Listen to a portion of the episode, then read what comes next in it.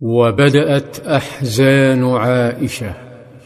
تيمم الصحابة لصلاة المغرب والعشاء باستخدام التراب بديلا للماء في التطهر حتى لو كان على المرء غسل.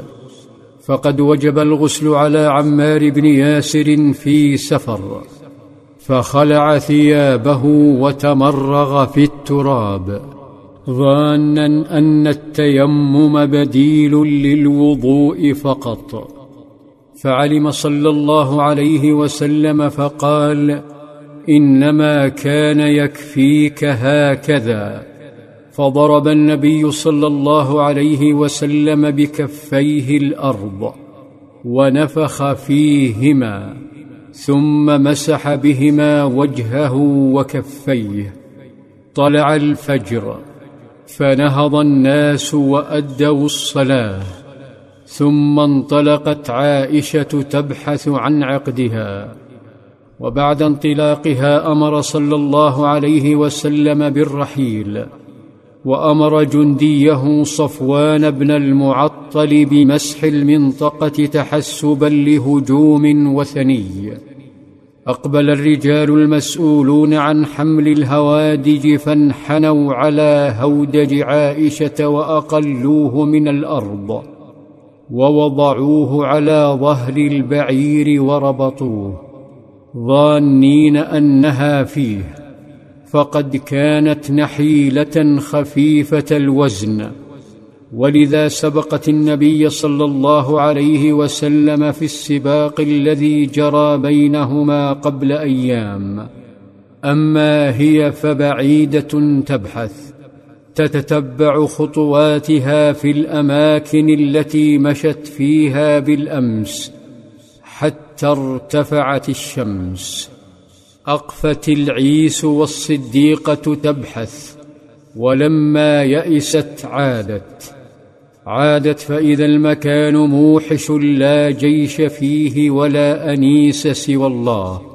ازداد حزنها وعظم همها تهادت لمكان هودجها. ولما وصلت رأت شيئا يلمع تحت مبرك البعير. إنه العقد. التقطته بحزن وجلست حتى ارتفعت الشمس. على مكان ليس فيه سوى فتاة منكسرة. فتاة رحل حبيبها ووالدها وصويحباتها وهودجها. لكنها قالت لنفسها سيفقدونني فيرجعون إلي. طال انتظارها حتى نعست. فتلففت بجلبابها ونامت.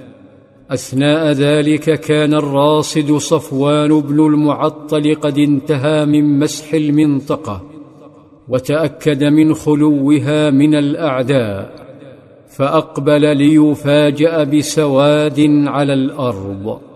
اقترب فإذا امرأة نائمة فقال إنا لله وإنا إليه راجعون.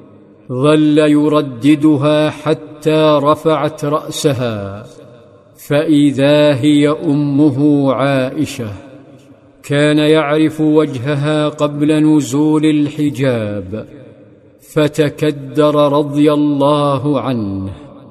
غطت الصديقة وجهها وجلست فأدنى بعيره وأناخه.